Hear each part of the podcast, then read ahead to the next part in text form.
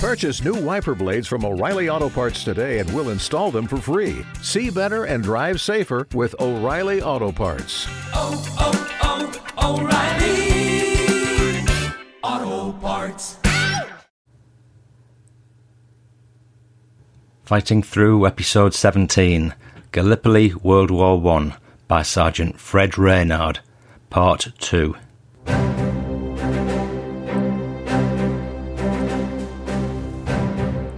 A complete, unabridged memoir of the brutal World War I Battle of Gallipoli, written by Sergeant Fred Reynard from the Isle of Wight. He landed at Suvla Bay in August 1915 to continue the fight for the strategic waters of the Dardanelles and the Turkish capital city of Constantinople. More great unpublished history. I was detailed for a patrol to go out to locate and dispose of some hidden Turks. If we could secure a prisoner, it might be helpful, but clean out some of those thugs were the orders. Another bullet hit close to me, and I knew the sniper had no intention of letting me reach that shelter, and he was playing with me. I grabbed the earth and lived an eternity for those next few minutes. Then I could stand it no longer, and I jumped up and made a flying leap for that shelter. Men were trapped on his barbed wire and cut to pieces as they tried to free themselves. I jumped into a narrow gully followed by what remained of my platoon, and into that gully poured a mass of Turks from underground trenches as if they were being vomited out of the bowels of the earth.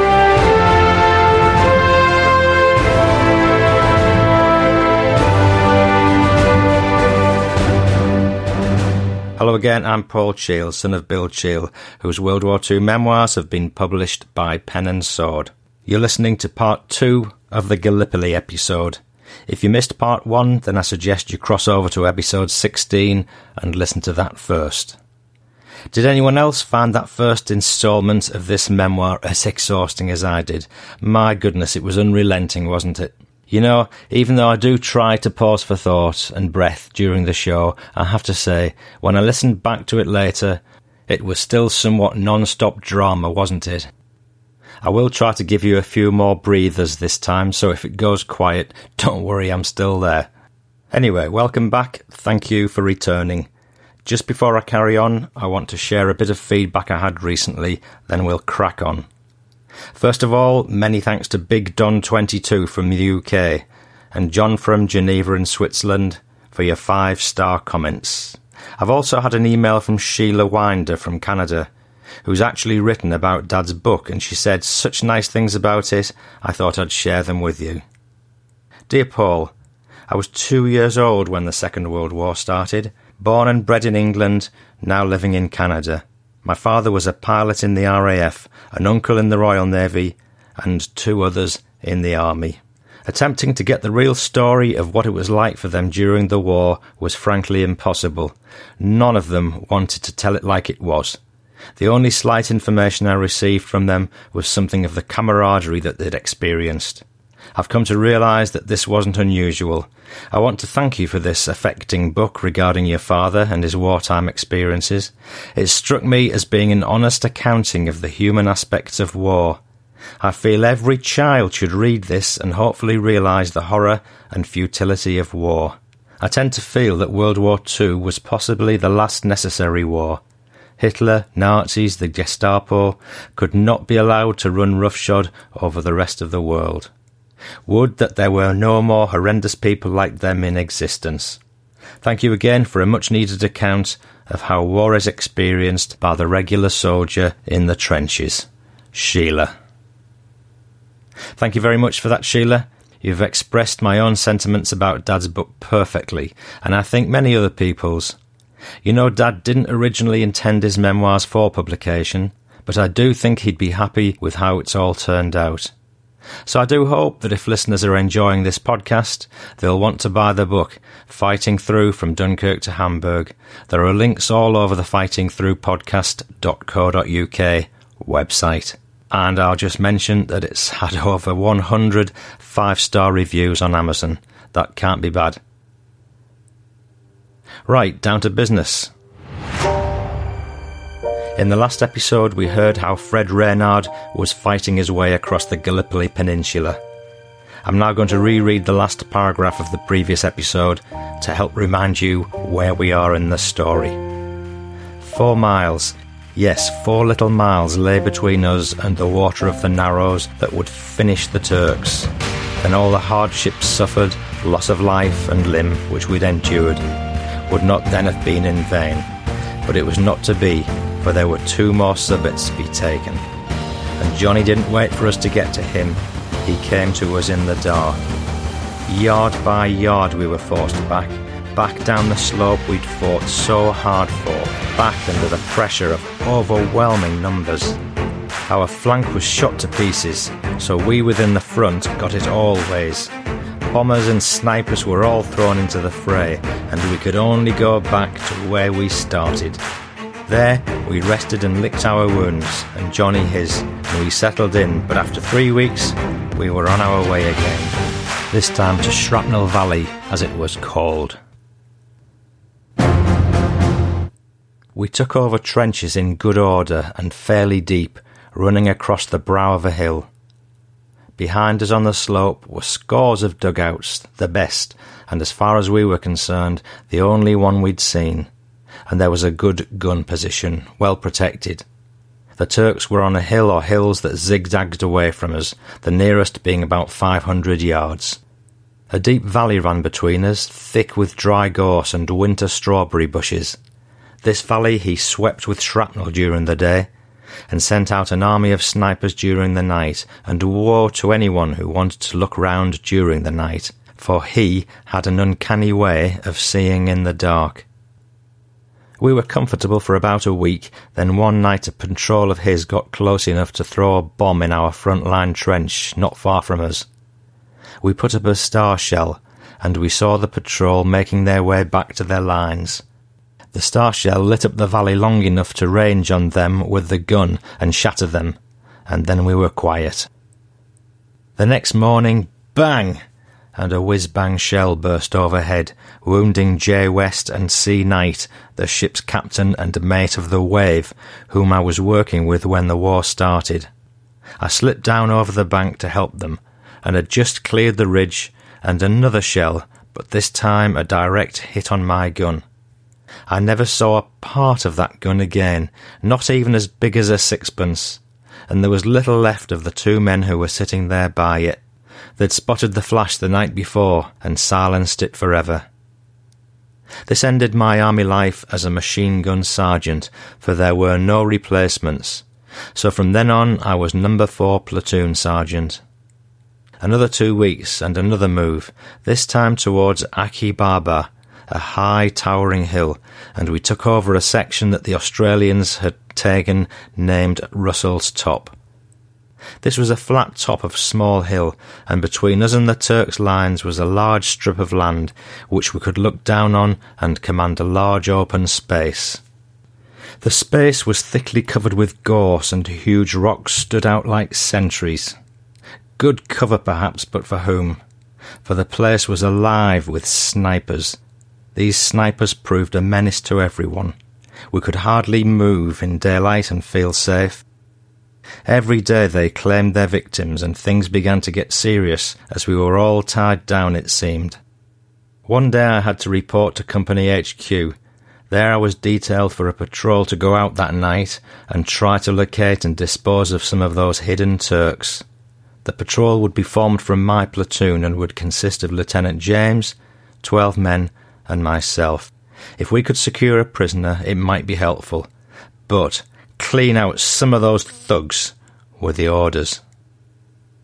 At night we set off on our job, and to be honest, I had the wind up, although I mustn't show it. We'd blackened our faces and went through a gap in the wire on all fours. Our lieutenant led the way, and I made the halfway man. No noise was made, and we carried on for about an hour, then rest, and watching like cats after a mouse. The night wore on, and we made no contact, and things seemed strangely quiet when suddenly we received a signal passed back by our officer. He'd come up to two large rocks and we had to crawl up to them. We came up, and what a hiding place for those four murderous thugs. We were on them before they knew what hit them, killing two and knocking two out. There was rum in a jar, and I think they'd had some, which made them less alert. The faces were painted with a colouring to suit the surroundings, and there were ample supplies of dates, figs, water, and ammunition. Yes, they'd come to stay. Well, we had a conference, the lieutenant and I, and I was told to get the two still alive back to our lines if possible. I took four men with me and started off. It was no joke hauling those senseless dead weights back over no man's land, over potholes and wreckage of men and material. We couldn't do it without making a noise, and that brought sniper fire. When they came too near, we used our prisoners as shields, but progress was very slow. Orders had been issued that there was a sniper's patrol out, but it was necessary to return to the same part of the line we left. There was always the chance, too, that a nervous dope would let go a round two, and with a bad light, a yell could be fatal. I found it very difficult to get contact with our lines so finding a suitable cover for my party, I decided to go on alone and warn the sentries and get some sense of direction. I carried on for a while and thought I could detect the dark outline of our trenches and started to make for them, and then someone opened fire. I wondered what he saw, but he did bring the snipers yapping, and then I realized that a sharpshooter had spotted me. There was a dark object ahead of me about ten feet away. I thought a rock and shelter if I could reach it. I moved a little with caution, and a bullet hit close to my head and filled my mouth with earth. He had the right range right enough, and it seemed to me that all that remained was the one with my name on it, if he had it. I dare not move, and I went hot and cold in turns. Another bullet hit close to me, and I knew he had no intention of letting me reach that shelter, and he was playing with me. I grabbed the earth and lived an eternity for those next few minutes. Then I could stand it no longer, and I jumped up and made a flying leap for that shelter. A hail of bullets followed me, and I dropped behind the mound and couldn't move. I fancied I was hit, yet had no pain. I lay there no, I wasn't wounded, just scared stiff, and then I looked about me and saw that the mound wasn't rocks, but two Johnnies swollen up by the sun. The position they were in gave me the impression that one was carrying the other when they fell. Yes, two dead Turks for company, and if anything smells worse than those two did, I am yet to find it. I lay there as sick as a dog as bullets hit those bodies, but I dare not leave them, for that would be fatal. So, stench or no stench, I had to stay, for I was alive and wanted to stay that way. But I was afraid of fear, for I wanted to get up and dare not, and I tried to pretend that damnable odour wasn't getting down my neck, but it was. The night wore on, and then suddenly the firing ceased. I waited. Nothing happened. I stared out into the darkness and thought out my next move. The sniper was still silent, and I began to wonder if one of my patrol had caught up with him. And then I moved forward and tried to get my bearings. I found myself on a burnt out patch of gorse, and what I'd thought was our trenches was tall bush grass which the fire hadn't touched. Try as I might, I couldn't determine my position, so I was in no man's land, hopelessly lost. Not a happy feeling, but the position was such that something had to be done. I moved on towards the tall bush grass and came across a crumpled heap of a man, and he moved. I lay beside his broken frame and found he was an Australian, with his tongue swollen so badly for want of water that he was almost choked. I used the remains of my water to ease him, and turned him over on his back and dragged him towards the shelter of the high grass. One of his legs rolled and bumped like a log, for it was just loosely attached. How long he'd laid there, no one will ever know. He could never speak, and within an hour he was dead. Day I knew would soon break, so I could go no further, and I took advantage of the high cover and huddled up to my dead partner and prepared to see the day out with all its heat and no water. Then, when shells swept overhead and machine guns and musketry rained bullets across that cursed land, I went into a mercy sleep. The day was nearly spent when I opened my eyes and felt for my water. The bottle was empty, and I remembered where I was. I looked to my dead partner, and how that body had swollen in the day's sun. I'd have to wait until darkness fell before I could make a move, so I tried to find my position while the light lasted. It was difficult to determine how the lines ran even in daylight, for the Turkish lines, like our own, ran in a zigzag fashion uphill and down dale. Then I saw in the distance the sea, and in my mind's eye I followed the coastline. Yes, Suvla Bay and Salt Lake, and then a destroyer, and where her shells went falling, I'd found the direction of our lines. Now, my men, waiting out there. I knew I must contact them. So as night fell, I went back on my tracks. After an hour's search, I found them and we started back for our lines. The prisoners had become a bit of trouble in the night, so we dispatched, the lads told me, and they'd finished off another two who were firing at somebody not far from them, so that could have been the ones bothering me. We joined up with another patrol looking for us and got back safely, but our officer and the remainder of the patrol we never saw again. The next week was a week of unrest and hard work. It was a continual dig, dig, dig, and trenches were like a maze when we finished. We sapped under the soil out into no man's land, and we knew something was going to happen. Ration came up to us in the night, brought by the Zionist Mule Transport Corps. He knew this and shelled a good deal. He'd captured a French 75 battery, a nasty piece of work.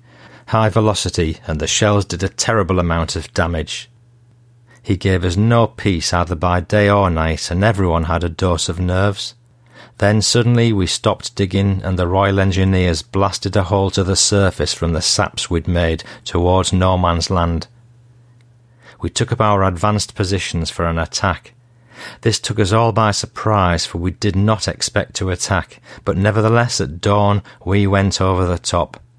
Once out of the cover of our trenches and sapheads, all hell let loose. None of us was in our best form or shape, for hard work, shelling, day and night, and little sleep had sapped our strength and nerves, and to have this suddenly thrust upon us didn't go down very well at all.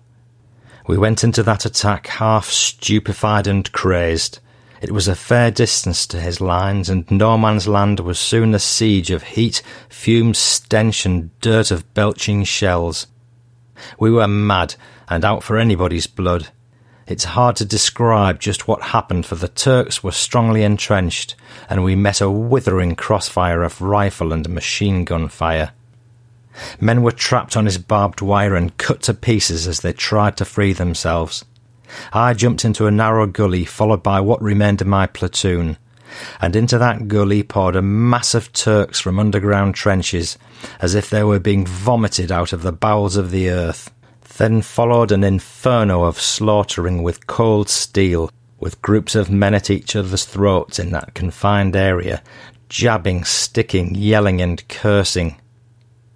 Dead and wounded were trampled underfoot. Cries of Allah, Allah were terminated with a bayonet thrust to the throat, and the ground was literally covered with spawning Turks. We fought to a standstill, and then came the order to retire, and we had him beaten. Oh, what an order! We spit blood, but carried out our orders. We retired to our own lines, losing more men as we went back and then we were told that our attack was only to divert his attention and draw his fire while the 29th Division tried to take Achi Baba. Their attack incidentally failed, although they advanced a thousand yards, but over 400 good lads of our brigade were left to rot by that going over, just to be recalled again. Yes, our brigade suffered badly, and the men who survived cursed their commanders, but only under their breath. I never really felt the same again after that engagement, For weeks after, in my sleep, I could see those masses of forms coming from out of the earth, all coming at me, it seemed, with cries of Allah on their lips and murder in their eyes, and how I longed to be miles away from it all, at peace with myself and with everyone. We nursed our wounds, recovered our wounded, and got them back to the CC station, but the dead were left where they fell, for no one could do anything about it, and one could only watch them rot. But the Turk was not to take our attack and do nothing about it. He increased his shelling and raided at night, and we got no respite. Then one evening at dusk he came over. How they came, wave after wave, shouting and cursing, calling to Allah just like wild men. What I'd have given for my machine gun. But concentrated by fire from our rifles and machine guns giving us crossfire, we cut them to pieces. Some reached the barbed wire, but no further. But still they came on in their hordes. Then darkness fell. They brought up mortar bombs and tore holes in our wire, but what a price they paid. Very lights lit the sky, and we let him have it. If ever Johnny got it, he did that night, but still he didn't let up. He reached our trenches further down, but a counter-attack drove him out. He was attacking on a divisional front and seemed determined to break through.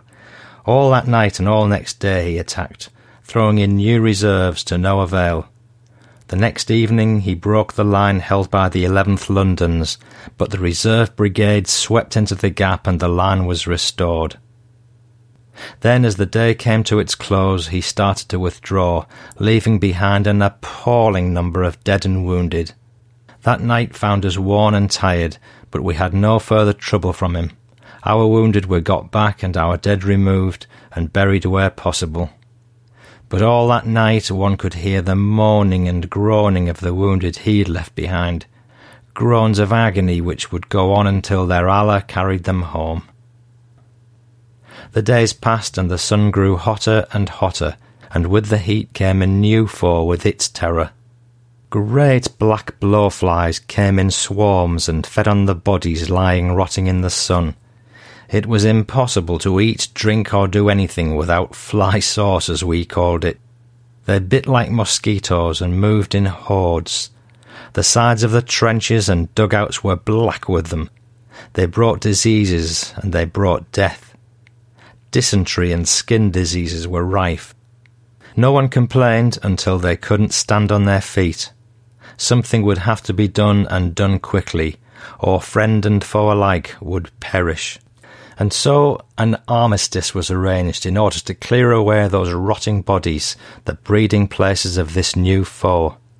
The heat of the sun parched and burned everything. Those thousands of bodies swelled and blackened under a furnace of heat, and the fumes arising from their decomposing bodies so fouled the air that the stench never left us, even after wholesale burials. Friend and foe alike went into no man's land to bury their dead. Everyone wore just shorts, and no arms were carried, and the sweat poured off our sun baked skins. We used potholes, shell holes, and every sort of crack and crevice to cover the bodies, for it was impossible to dig graves in that scorching heat. Some old trenches leading up to Johnny's line were filled in with dead Turks. The swollen bodies just tumbled in and covered over. Turk and British worked together, and we even exchanged cigarettes. The Turk continually chanting Allah, Allah, Allah, Ali, Allah, while our men would exclaim, Mother of God, or God help us. We saw a face we once knew, and gently laid that broken body to rest. We became human beings again, Turk and British alike. But we all knew that in a short time we'd be at each other's throats again, for that bloody game must continue. And it was not all men we buried, for among his dead were Arab women. Twelve hours we worked, and then returned to our lines, and one hour after his first shell came over and the fight was on again. There was no real rest or rest camps, and rear lines were unknown at Gallipoli, for you could always be reached by fire even on the beaches. Always in danger, we laboured on, sometimes praying for protection and sometimes hoping a bullet would put an end to it all. Snipers came back after a day or two, and he shelled with that dreaded 75. I had dysentery and became very weak and found it most distressing. Water conditions didn't improve matters, and to make things worse, some tins of bully beef contained fishhooks, as did the hay for the mules imported from USA. Our rations were half a pint of water per day, one tin of bully beef, and three hard biscuits, plus one tin of jam between three. The jam was like paraffin, the bully salty, and the biscuits hard, while the water was wet and warm, condensed from sea water by a destroyer. But we lived on, though at times I wondered why. Then we had new men join us, lads from the Devons and Wiltshires, but we weren't up to strength. I felt for many of those lads, for some had been wounded on the Western Front and were told they were going east for a quiet front. A good number of them found that quiet front in a few days after joining us, a quiet rest from which they were never disturbed, for orders came that we were to attack and take Hill 60. With large maps set before you, settled in a nice, comfortable house over on the island of Lemnos, this job looked easy. But for those who had to carry it out, it was different. The Australian and New Zealand troops, the finest fighters in the world bar none, had battered themselves to death more than once fighting for this accursed hill. Important, I know, but was it worth the blood that ran and was still to run in a flood down its slopes? I say no. But folks like myself didn't count. I was ill and felt it, but I could fire a rifle, and that to them was all that was necessary. The 53rd Division came in and we went out at midnight. This division was fairly new from England and smart in appearance, the little we saw of them as they took over. We carried on through to support trenches for about a mile when we began to bear left and further inland. We passed signposts marking the route and places won at terrible cost by the Australians, such as Quinn's Post, Bloody Angle, Jephson's Post, and Lone Pine, and on to the base of the hill where we rested and took food.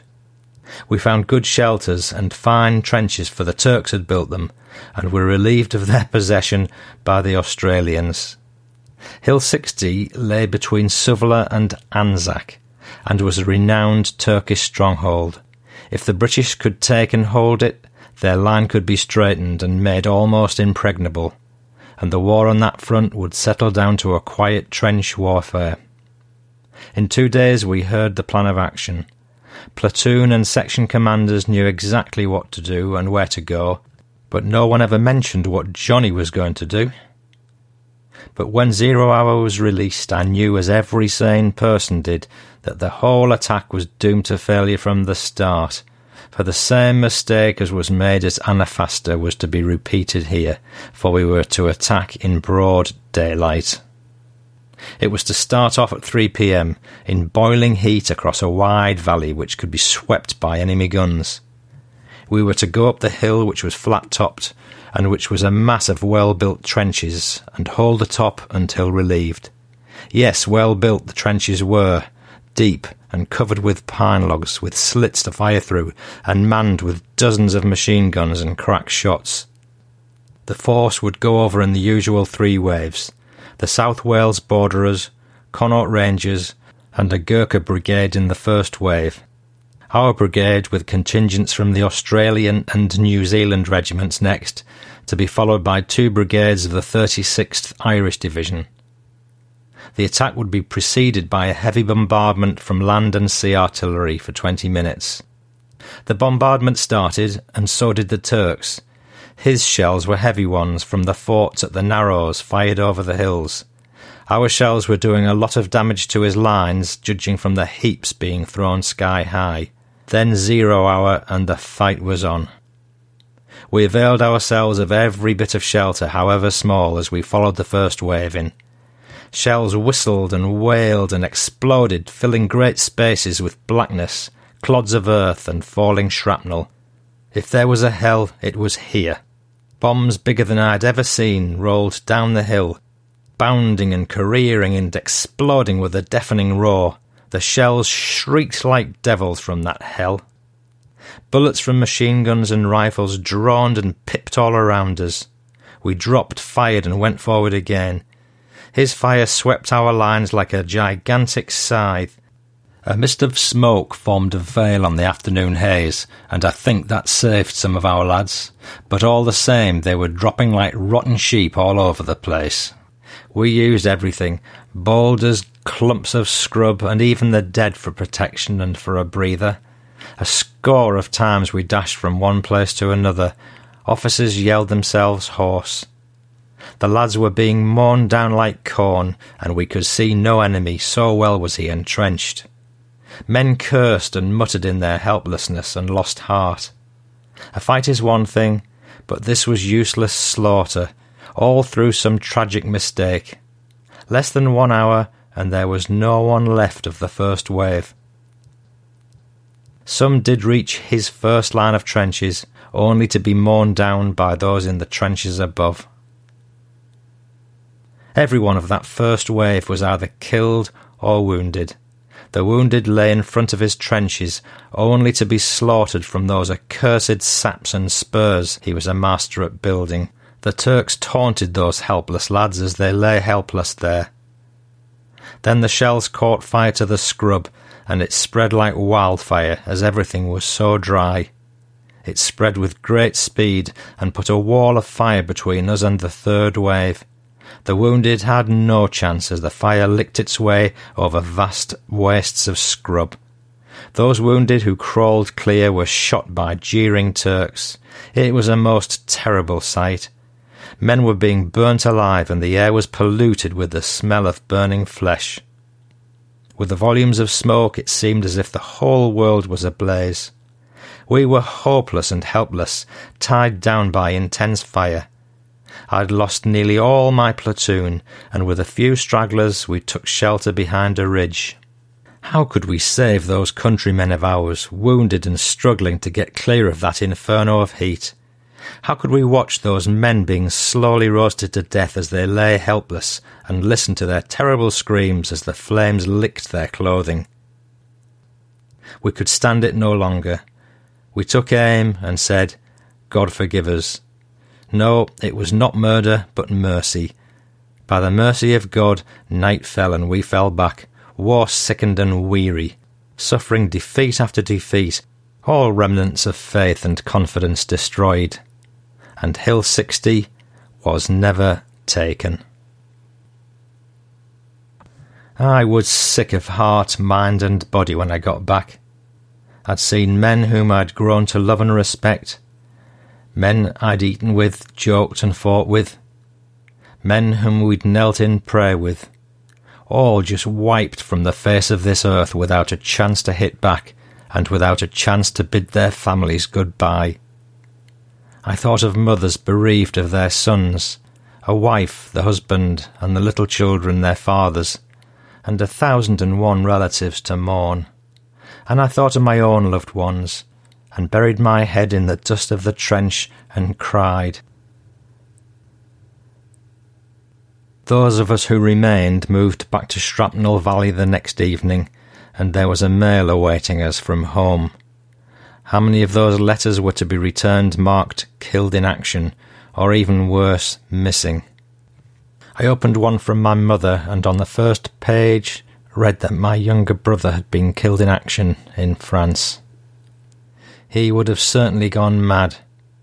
Yes, our family were bereaved, and we could share the sorrows of countless thousands with our own.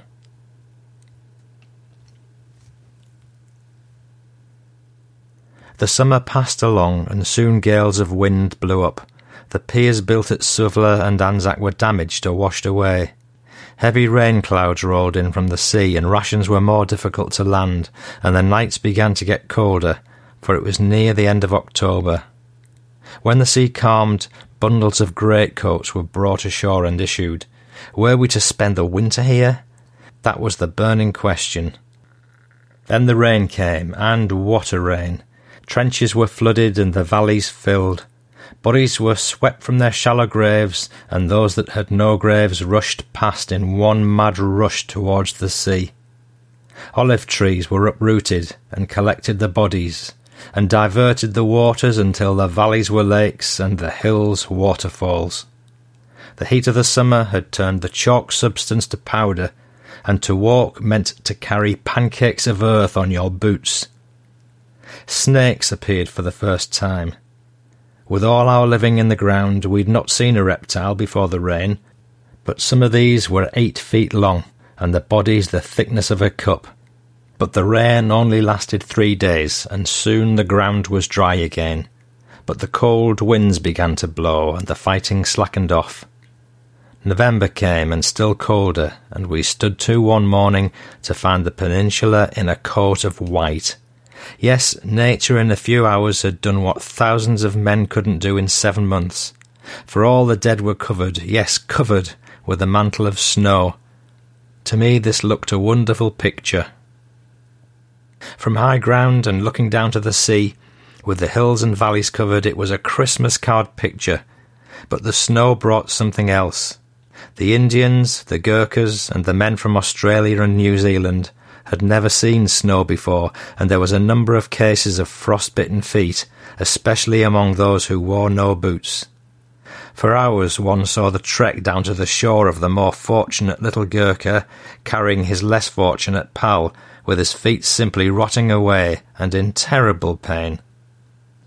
Then we had a visitor to our line, in no other person than Lord Kitchener. There were plenty of brass hats then, the first we'd seen. He didn't stay long, but I expect he saw enough, for within a few days we were ordered to be ready to move again. The day arrived to move, and this time it was to Anzac Cove.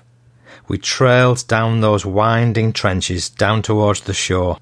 Then Captain Seeley came up to me and said, We're going off this god-forsaken land, Lieutenant. I couldn't understand why, and I told him.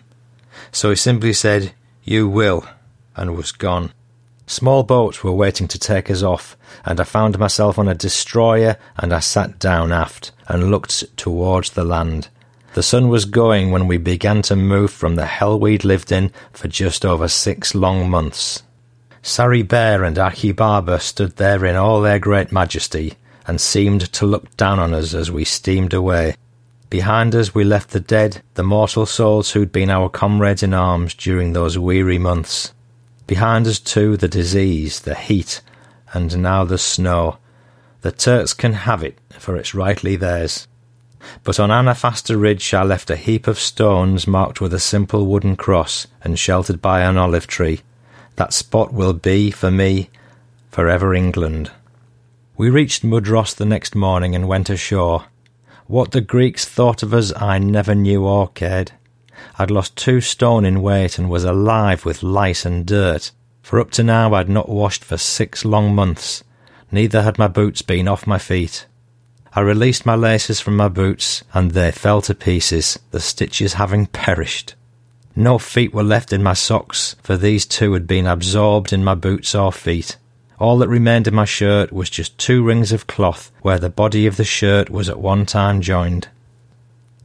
A fortnight of rest and good food and care, and plenty of hot water and baths, plus new second-hand uniforms, made us new men, and we were ready to sail again, but this time to Alexandria.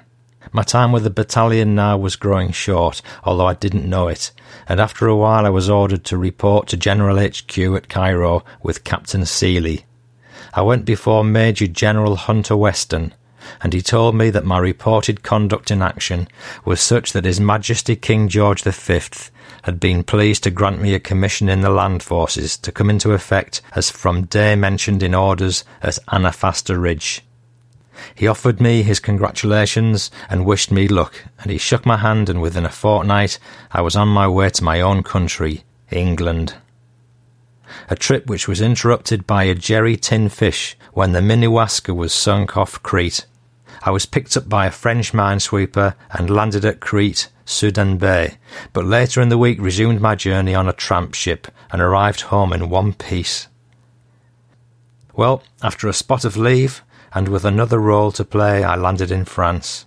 My time with the Mediterranean Expeditionary Force closed here, and a new life was before me, but whatever that would prove to be, it would never surpass the hardships of, or even compare with Gallipoli, which certainly lived up to its name while we were there as the Peninsula of Death. Fred Reynard, February 1916.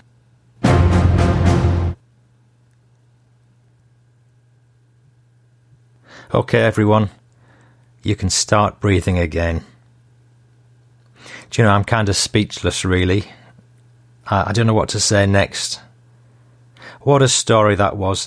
You know, I've read that several times in producing this episode, and it's like a good book. I still keep picking up new things, and I, am never tiring of it. But uh, that's it, done. And uh, I so hope you enjoyed it as much as I did, even though it was horrifying, non stop, edge of the seat drama. Um, I can't go any further without just saying thanks so much to Fred Reynard for writing this priceless piece of history. I feel so privileged to have been able to handle it. Um, and I want to doubly thank Helen Westbrook, who was Fred's granddaughter, uh, for her painstaking efforts to scan all Fred's papers and email them over to me. Um, if you thought the internet was slow a few weeks ago, then that was all those massive files that Helen was emailing me across Yahoo. So sorry about that. um, well, that's it. If you, if you did enjoy this show, then listen to what I'm going to say next. And don't forget my usual PS at the very end. One more point I meant to make.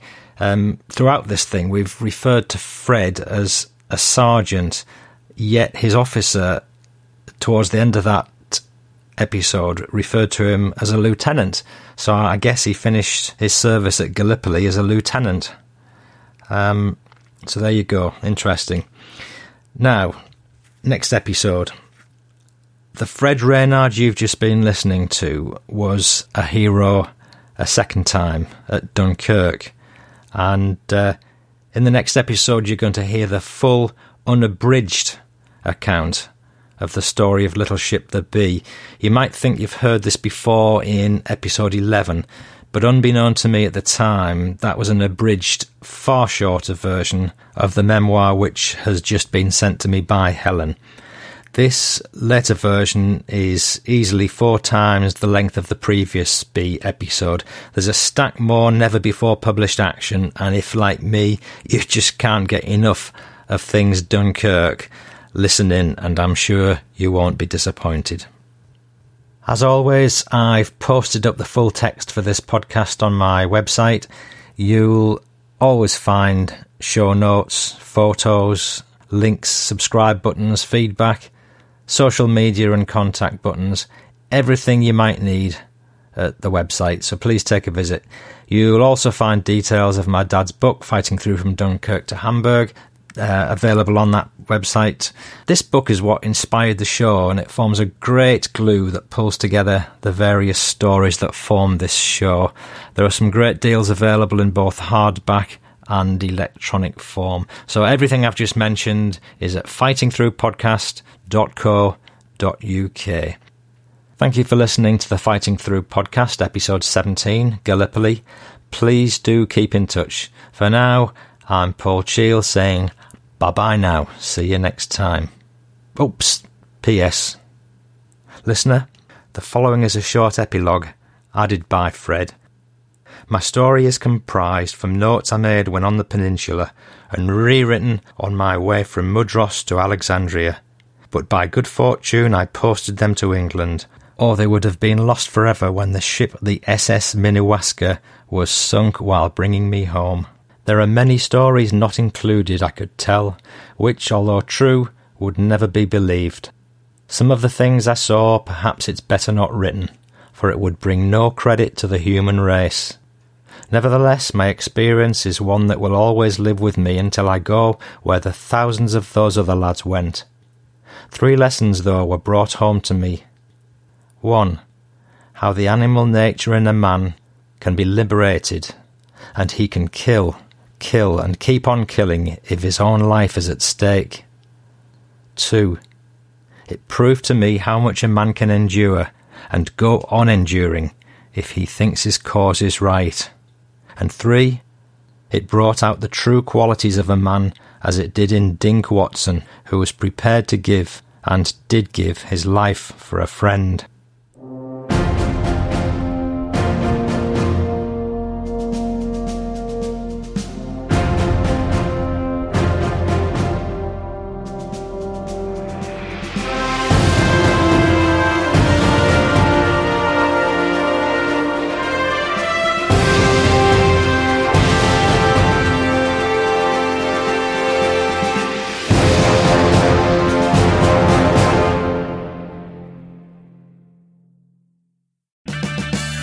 Purchase new wiper blades from O'Reilly Auto Parts today and we'll install them for free. See better and drive safer with O'Reilly Auto Parts. Oh, oh, oh, O'Reilly Auto Parts.